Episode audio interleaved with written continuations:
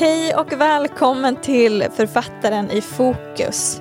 Katarina Wilk är journalisten som debuterade med tre olika böcker i tre olika genrer på tre olika förlag samma år. Men det som ligger henne närmast hjärtat är att sprida kunskap om kvinnohälsa, vilket hon gör i sin senaste bok På väg in i väggen eller bara i förklimakteriet. Katarinas mission är att ge kunskap om vad klimakteriet egentligen är, hur tidigt det kan börja och vad kvinnor kan göra för att må bättre i den perioden i livet.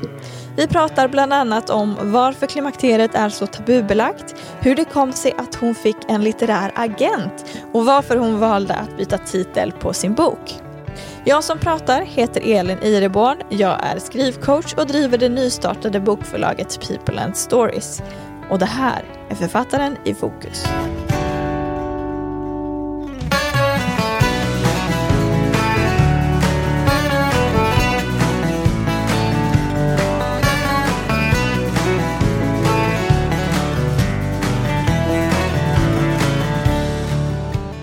Hej och välkommen Katarina Wilk. Tack! Hur är läget med dig? Det är bra. Jag är lite hes. Jag kan vara lite orolig för att min röst ska hålla men vi får hoppas det. Vi hoppas den håller. Ja. Eh, du är ju författare till en rad olika böcker eh, inom både skönlitteratur och facklitteratur. Kan du berätta lite mer om ditt författarskap? Till exempel, hur kom det sig att du började skriva? Eh, skriva har liksom alltid varit något som jag, som jag vetat om att jag ska göra i en och annan form. Redan när jag var 11 tror jag skrev jag min första lilla novell mm. som hette Morden på hotellrummet som jag skrev en semester när vi var i Kanada och hälsade på släktingar. Så att jag har liksom alltid skrivit, jag har alltid jobbat med text och eh, att jag till slut skulle börja skriva böcker det, det förvånar ingen som känner mig. Så att eh, eh det kanske kom lite sent i livet mm. att jag inte försökte göra det innan men kom ju mycket emellan med barn och roliga jobb och sådär så att uh, jag är en late bloomer om man får säga så. Mm. Och när kom din första bok?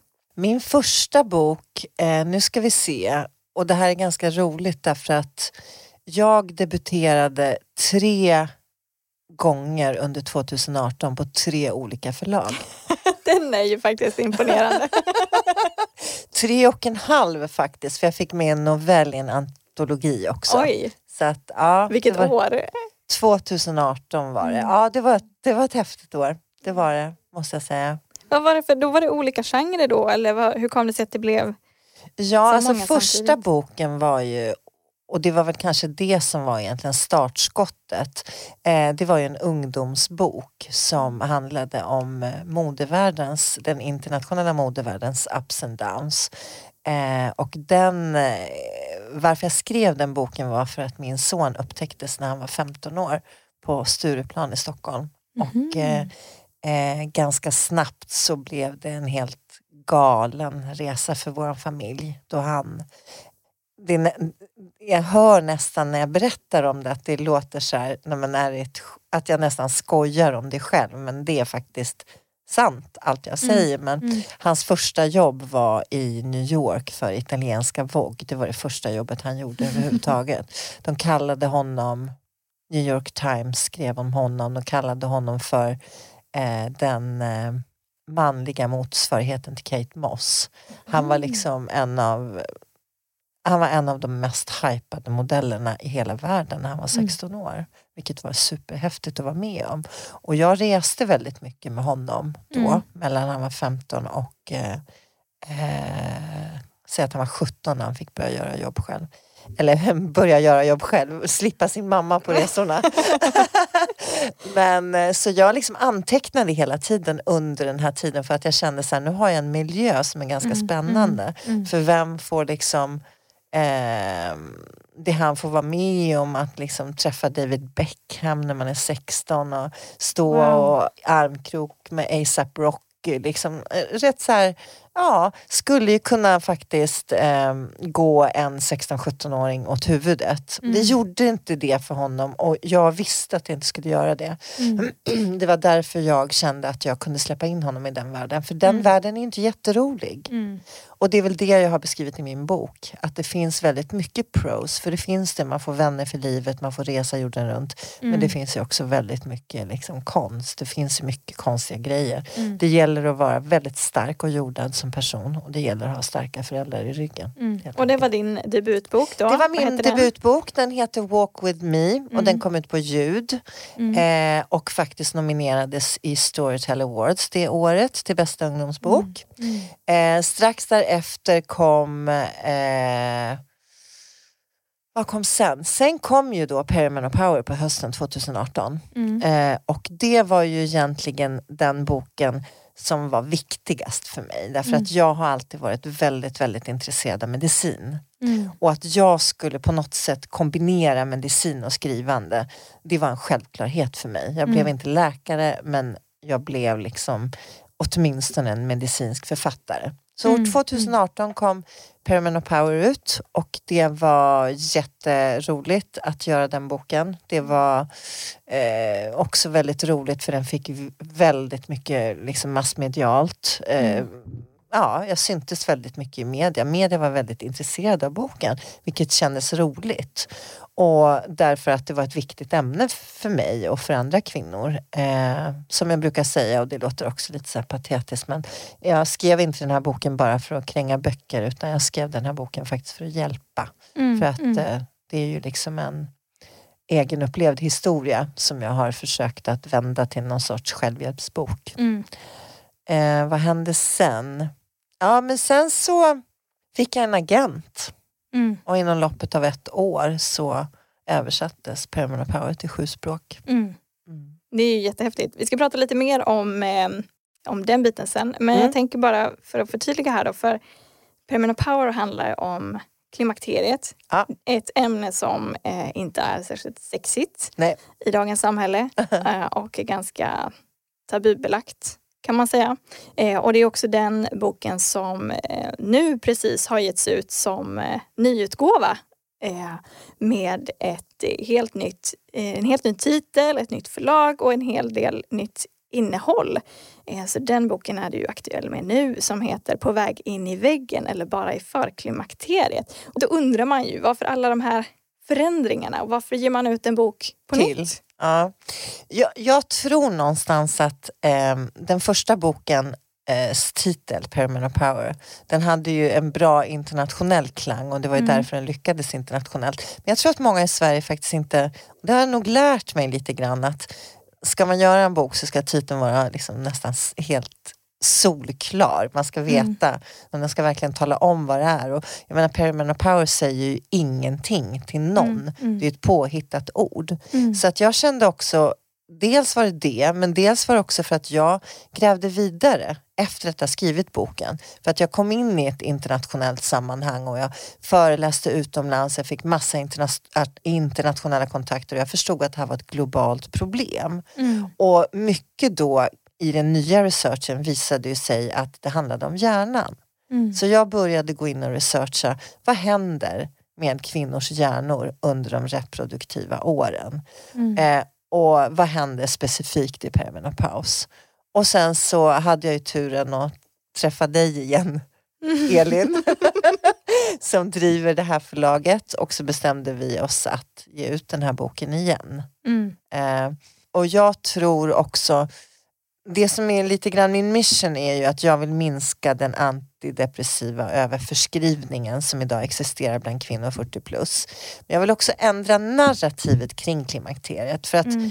när vi säger så här, för det finns ju klimakteriet aktivister som de kallar sig i Sverige, vi måste prata mer om klimakteriet det är så mycket stigma kring det här mm. så att jag mm. vill förändra men jag tänker inte säga så här, vi måste prata mer om klimakteriet. Snarare, vi måste prata om varför kvinnor 40 plus äter antidepressiva i så pass hög grad och får diagnosen utmattningsdepression när det i själva verket kanske bara beror på svängande hormoner. Mm. Därav min titel. Mm.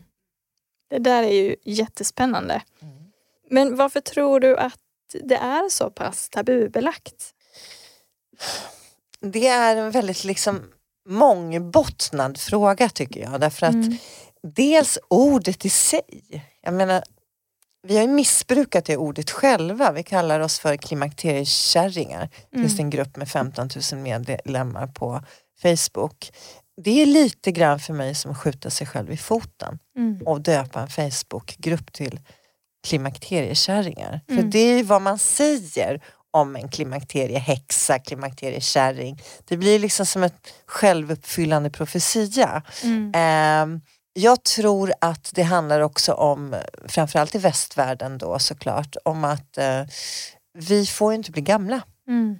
Och när vi är i klimakteriet då är vi gamla, vi är förbrukade. Mm män träffar yngre kvinnor, börjar reproducera sig igen. Nu generaliserar mm, mm. jag väldigt mycket här men, men det finns, det är ju ett avgörande, en avgörande tidpunkt i en kvinnas liv på många mm. sätt. Mm. Eh, så jag tror att det är någonting som vi förnekar. Jag mm. kommer ihåg när boken kom ut och en av de, ja, jag skulle vilja säga en av de mest kända svenska journalisterna skrev i sin krönika måste vi prata så mycket om klimakteriet? Mm. Till och med hon liksom mm. tyckte att kan vi bara inte sluta prata om det här? Mm. Varför då?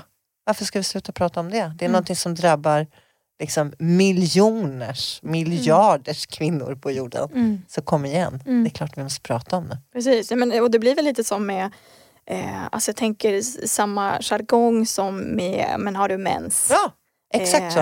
Att, att det är någonstans det blir liksom nedtryckande yeah. mot kvinnor. Att så här, yeah. Vi förväntas ha hormonstörningar mm. som gör att vi inte är riktigt oss själva.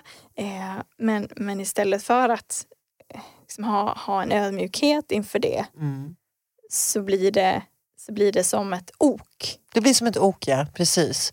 Och sen också eh, problematiken med begreppet klimakteriet är att symptomen när du frågar en kvinna när tror du klimakteriet inträffar då kommer hon mm. säga ja, men det är när jag är kring 50 och min mens upphör. Och ingenting kunde ju vara mer felaktigt än det. Mm. För mm. det är vad majoriteten av alla kvinnor i Sverige tror. Så är det ju inte. Och det är också en del av problematiken mm. varför jag har skrivit den här boken. Därför att det är ju tiden innan som faktiskt handlar om från man är 40.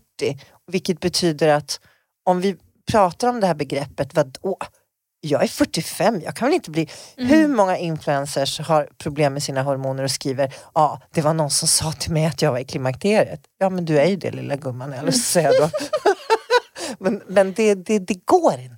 Ja, men, och, och där tror jag att, eh, kan det inte vara så för att, för att klimakteriet blir ett så stort ja. ord ja. och ett ok ja. som vi pratar om. Ord att man vill liksom inte klä, klä i sig det och, och jag tänker mig att det blir det är så det låter som att det är så definitivt. Alltså ja. så här, nu är det klimakteriet, nu är det inte klimakteriet. Det är slut. Ja, ja precis. precis. Ja. Men, men det, det du pratar mycket om i din bok är ju det här att men det kan det kan faktiskt komma smygande. Ja. Alltså det kommer ju inte så här, oh, allt på en gång, här Nej. plötsligt har du hormonsvängningar, Nej. du kan Precis. inte sova eh, och, och, svettningar och svallningar och allt möjligt. Utan det kommer liksom successivt, väldigt olika för olika kvinnor mm. eh, och kan börja så tidigt som 35 mm. som du beskriver i boken. Um, och då kanske det bara är en av de grejerna. Ja, men det där är, ja, du är på någonting där. Därför att häromdagen till exempel så beskrev en kändis, jag behöver inte nämna några namn, hur hon hade genomgått en liksom, hysterektomi, att hon var tvungen att operera bort allt. Mm. Och så hade eh, en av eh, veckotidningarna rubriken Hon hamnade på några dagar i klimakteriet. Mm. Och så sa hon det själv också, ja, på några dagar så var jag i klimakteriet. Och det själva uttalandet är helt felaktigt. Mm. För vad hon menar är att jag hamnade i menopaus på, mm. flera dagar, på några dagar. Mm. Det vill säga min mens försvann och jag mina hormoner var låga. Mm. Men det är här som är problemet, att man, man, eh, man tror att klimakteriet och tidpunkten för när mensen försvinner är samma sak. Mm, och det mm. är det inte. Nej. Utan som precis som du säger, det kan börja efter 35. De flesta får symptom efter 40. Mm, ja. Men går då till vårdcentralen, får en utmattningsdepressionsdiagnos eh, och börjar knapra antidepressiva. Och så ser det ut i hela världen, det är inte bara i Sverige det ser ut så här. Mm, och mm. det finns liksom aktivister över hela världen faktiskt som försöker jobba precis som jag det är inte jättemånga här i Sverige som, som är superaktiva tyvärr.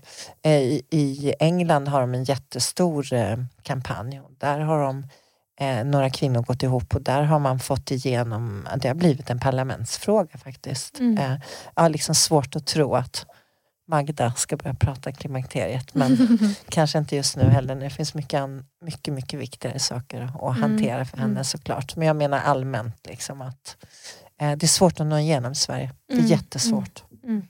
Nej men det är ju som du säger just det där att man vill förneka och man skjuter det gärna så framför sig och jag menar jag tänker ju som jag eh, fyller ju 30 i år. Mm. Eh, har mig veterligen inga, inga klimakteriesymptom än. Nej. Men jag tycker ju också att det här är ett så viktigt ämne just för ja. att ja, men jag vet ju att jag kommer ju förhoppningsvis att mm. komma till den åldern att mm. eh, hormonerna börjar svänga och det kan visa sig på olika sätt och då känns det ju jättebra att vara förberedd. Såklart.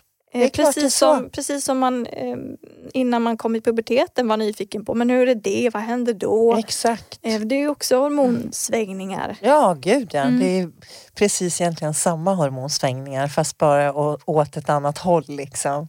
Eh, under puberteten så, får man, så dränks man ju i nya hormoner medan mm. man under perimenopausen eh, då börjar de ju sina som en liten öken. Ja. så att, eh, ja, det är egentligen samma sak. Det är bra att du ser. Det är jättehäftigt tycker jag ja. att se den kopplingen liksom mm. mellan eh, ja, men som du säger, de reproduktiva åren. Det börjar mm. liksom redan i puberteten och sen så, mm. så, så, kanske man blir gravid och, och får barn och då är det också hormoner på olika sätt.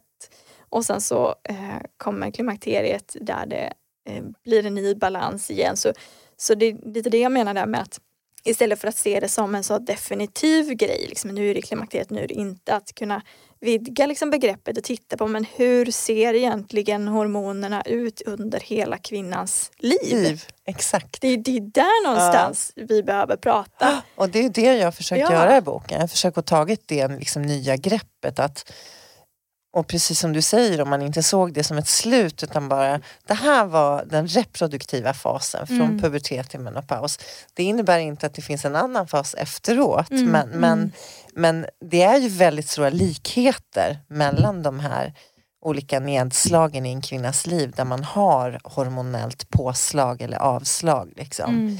Mm. Eh, och det tycker jag är superintressant men det har varit väldigt eftersatt i forskningen därför att man eh, är ju tvungen att, eh, att titta på vad gör dessa svängningar då med hjärnan för att mm. liksom få fram någonting relevant eh, så har man ändå börjat forska på det här. Liksom. Och då måste man ju först överhuvudtaget tillstå att en manlig och en kvinnlig hjärna inte är densamma. Mm. Men, men i alla fall Uppsala universitet har precis initierat ett jättestort projekt som är världsunikt där man faktiskt bara ger anslag till eh, det handlar alltså om kvinn, kvinnlig hälsa under de reproduktiva åren. Så mm.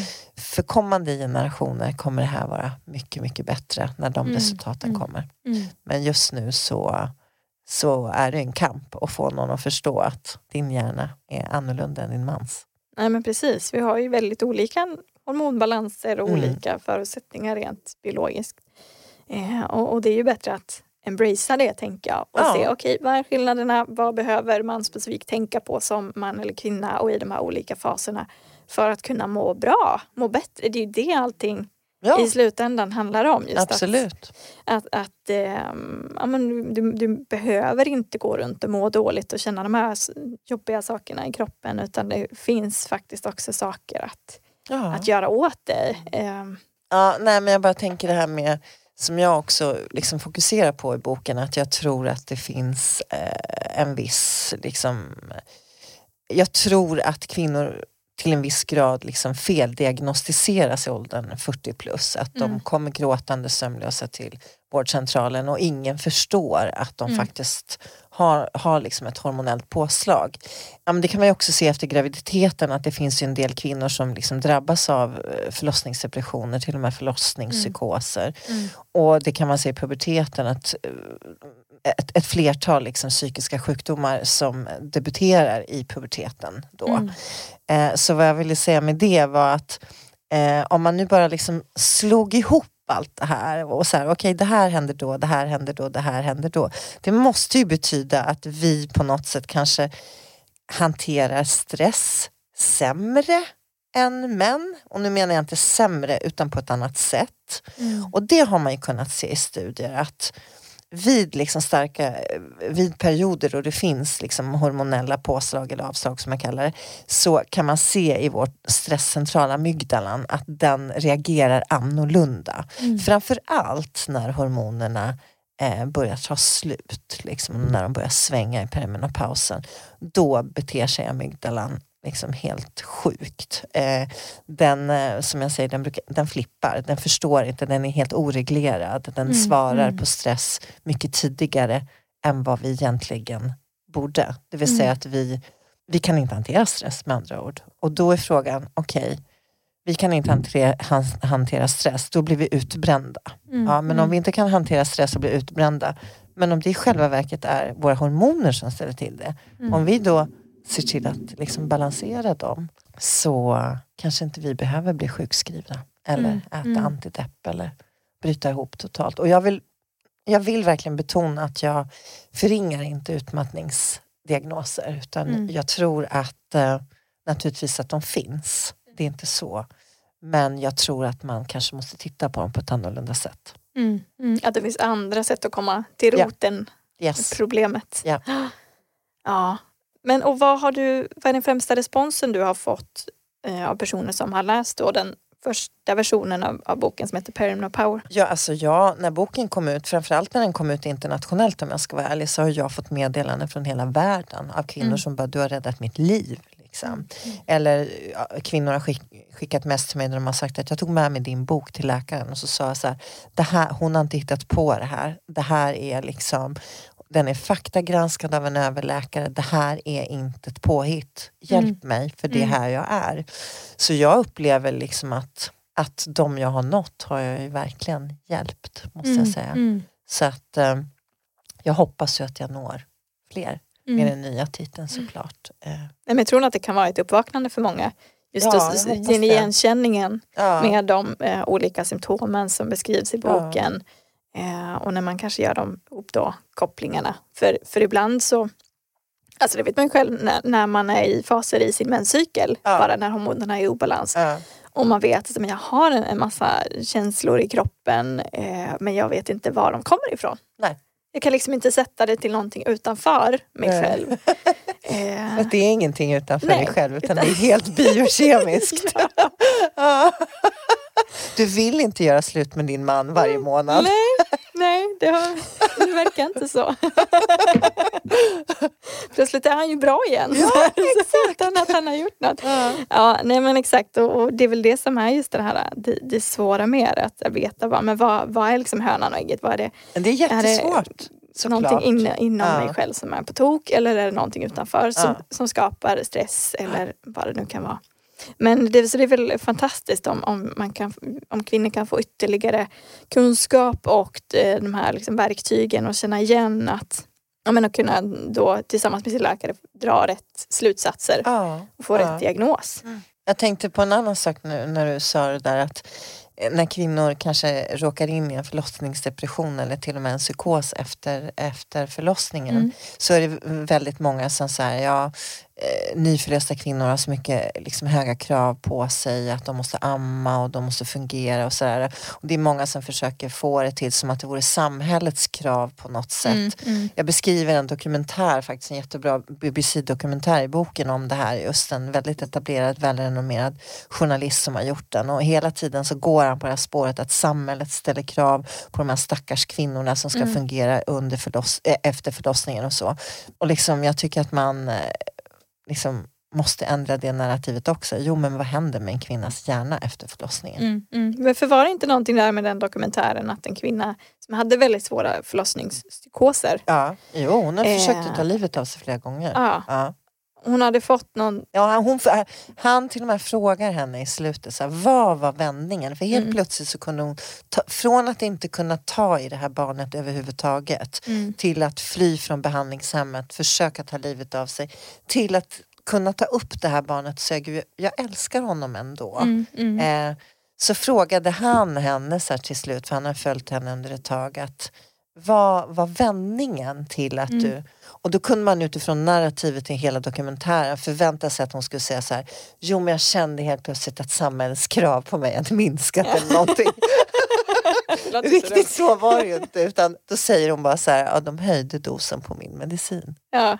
Alltså, det är inte så att jag är för medicin, jag jobbar inte för Big Pharma eller så. Men man måste ändå förstå att det som händer biokemiskt i mm, hjärnan, mm, mm. det kanske måste stabiliseras mm. mm. medicinskt. Precis, men det finns ju också många andra sätt man kan eh, vad ska man säga, stabilisera hormoner Absolut. utan att ta medicin. Absolut. Och det, det tar jag upp i boken väldigt också. mycket i boken. Olika. Mycket bra, eller liksom mycket, mycket man kan göra innan man, man kommer till medicineringen. Men mm. jag vill bara betona där att vad gäller förlossningsdepressioner och förlossningspsykoser så är, där måste man bli medicinerad. Där mm. kan man inte hålla på och mm. balansera sina hormoner. Mm. Det mm. funkar inte. Mm. Ja, men det blir väldigt tydligt där då också att ja.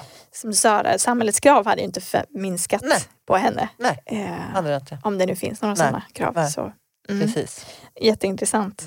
Och som du nämnde så är ju boken översatt till sju ja, språk. språk. Ja. Det, är ju, alltså, wow, det är ju jättemånga som du tänker dig, liksom, sju länder. Ja, det är det ju. Och, och alla de människorna, kvinnorna som, ja. som får... Ja, men man förstår nog inte riktigt faktiskt när mm. det väl händer. Eh, och det roliga är ju att jag har fått en del mediebevakning utomlands också vilket mm. också är jätte, jätteroligt. Så att, mm. eh, ja. Men nu ska jag sätta dig lite på pottan här. Kommer du ihåg på rak arm vilka länder det är? Nu ska vi se.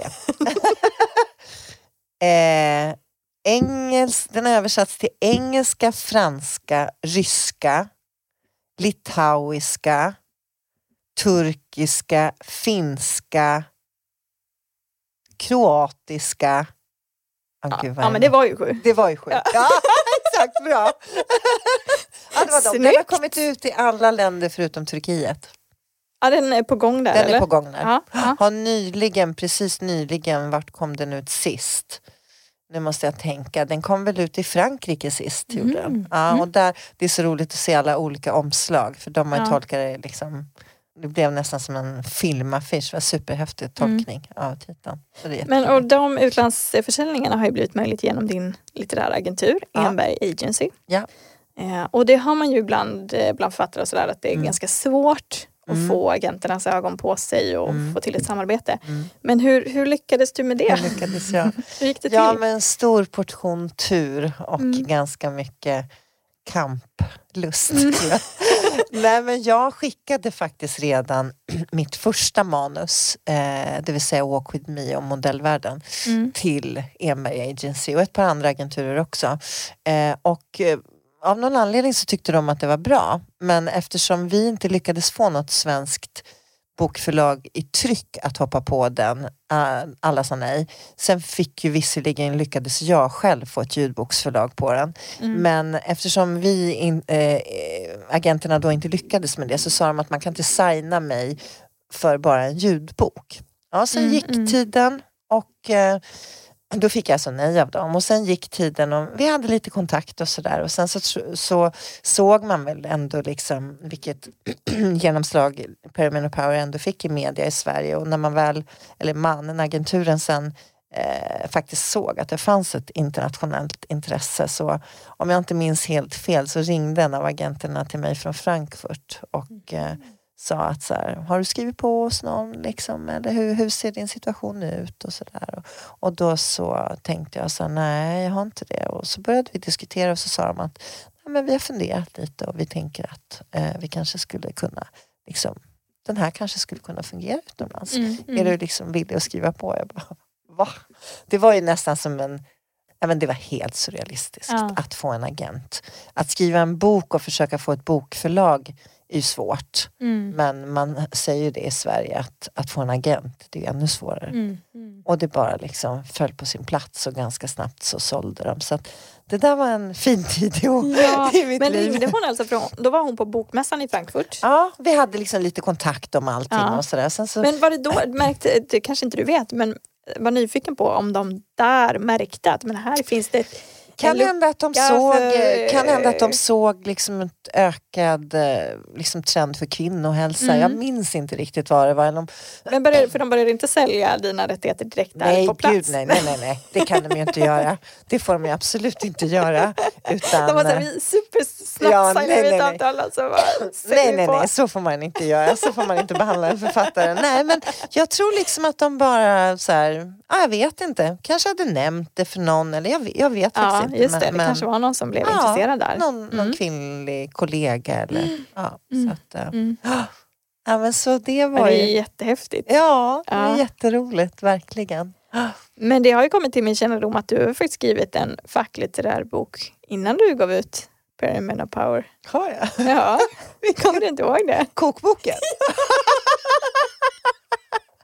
Åh oh, gud vad roligt! Ja, det är faktiskt, och den har jag helt glömt bort. Det är helt sjukt. Det var nog 2010 kanske, 2012 mm. kom jag ut med en kokbok mm. tillsammans med en eh, kollega som heter Susanne Hovenäs. Eh, jättefin kokbok och faktiskt min son är, som är väldigt estetisk har gjort alla illustrationer. Mm. Eh, det är en bok, en kokbok om moderna matsäckar för aktiva familjer. Mm. Och trot eller ej, vi var på Malou med den boken. Ja, det var helt otroligt. Ja. Va? Alla brukar fråga, fråga liksom, oh, gud, hur hamnar man i en tv-soffa? Skriv en bok om matsäckar. typ så. ja. Nej men så att, ja just det, den har jag gett ut också. Den har jag glömt bort. ja. Nej, men så du har ju gett ut en, en ganska, ganska bred repertoar. Vi har en till faktiskt. Har vi en till? Ja. Vad, har vi, vad har vi missat nu då?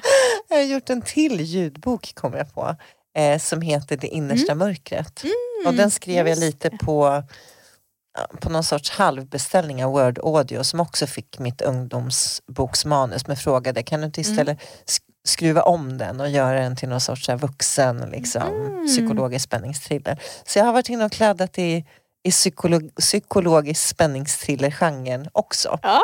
Eh, men nu ska jag väl sluta kladda i alla genrer tänker jag.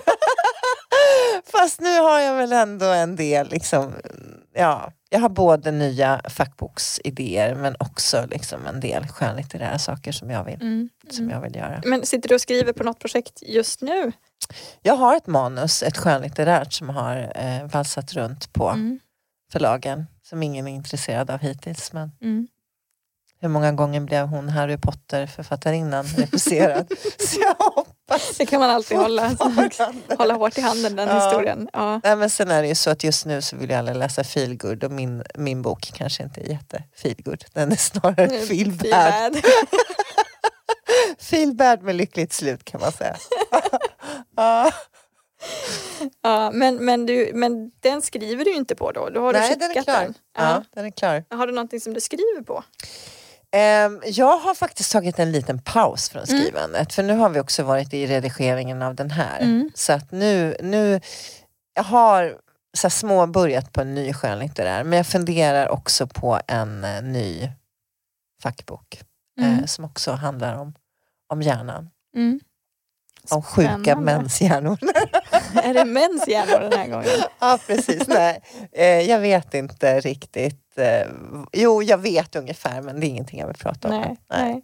Ja men det var kul. Och, ja. Men hur gör du liksom när du får alla de här idéerna och böckerna? Har du någon Gör du någon plan? Att nej. nu i år ska jag skriva den här boken, nästa år ska jag skriva den boken? Nej. Eller? nej. Du kör på känsla? Kan, jag kör på känsla och sen mm. då också när jag skrev Walk with me då hade jag börjat med Permanent Power. Då skrev jag båda två. Det var mm. lite så som jag kände för. Okej, okay, idag vill jag gräva ner mig i medicinska studier. Då gör jag det. Mm. Men mm. idag vill jag bara liksom skriva fritt och då gör jag det. Mm. För det är en väldigt, väldigt stor skillnad mellan att skriva facklitteratur och skriva liksom skönlitteratur.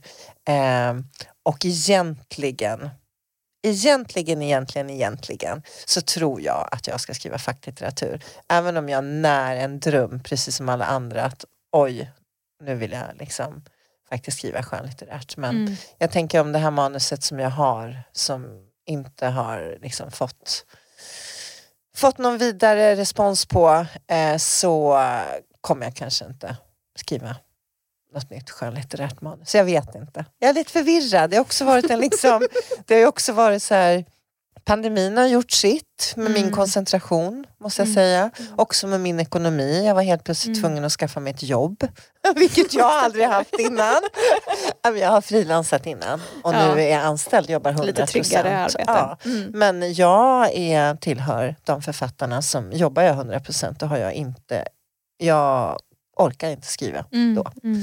Så att eh, just nu har jag nog ändå en du jobbar paus. ju med skrivande också. Jag jobbar med skrivande mm. också, jag är copywriter så att absolut. Mm, mm. Så jag skriver hela dagarna, att bara komma hem och sätta sig och skriva en hel bok, eller på sin bok på kvällen. Det är bara så här, när jag kommer hem då vill jag gå och träna eller lägga mig i badet eller liksom. Mm.